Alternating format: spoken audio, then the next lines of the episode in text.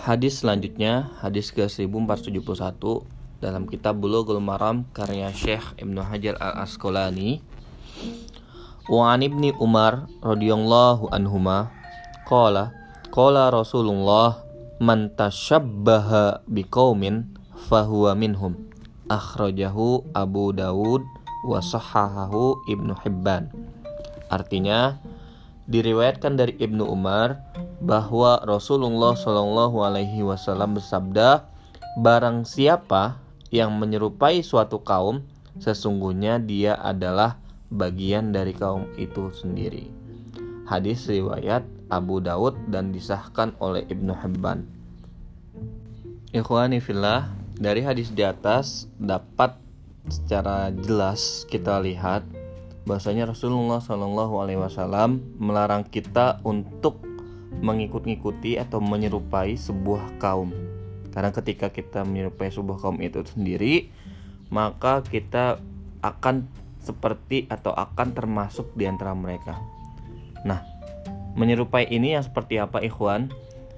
Yang dimaksud menyerupai di sini adalah mengikuti kegiatan-kegiatan mereka seperti mengikuti Natalan atau tahun baru atau lain-lain dan juga mengikuti sifat-sifat mereka dan juga berbagai macam perayaan-perayaan mereka.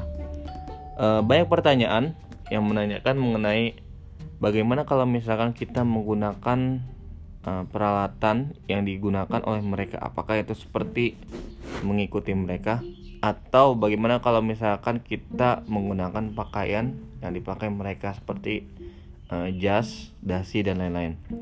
Ikhwan fillah, dalam hal ini apabila peralatan tersebut memberikan manfaat dan kita sebagai umat muslim belum mampu untuk membuatnya, maka tidak apa-apa untuk kita menggunakan tersebut selama itu digunakan untuk kebaikan.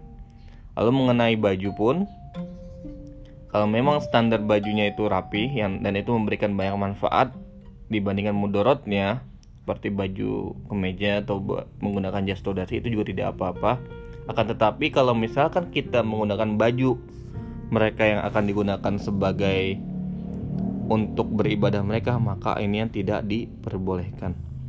Jadi selama itu memberikan manfaat untuk kita dan kita sebagai umat muslim belum mampu membuatnya maka tidak apa-apa kalau misalkan teman-teman ingin menggunakannya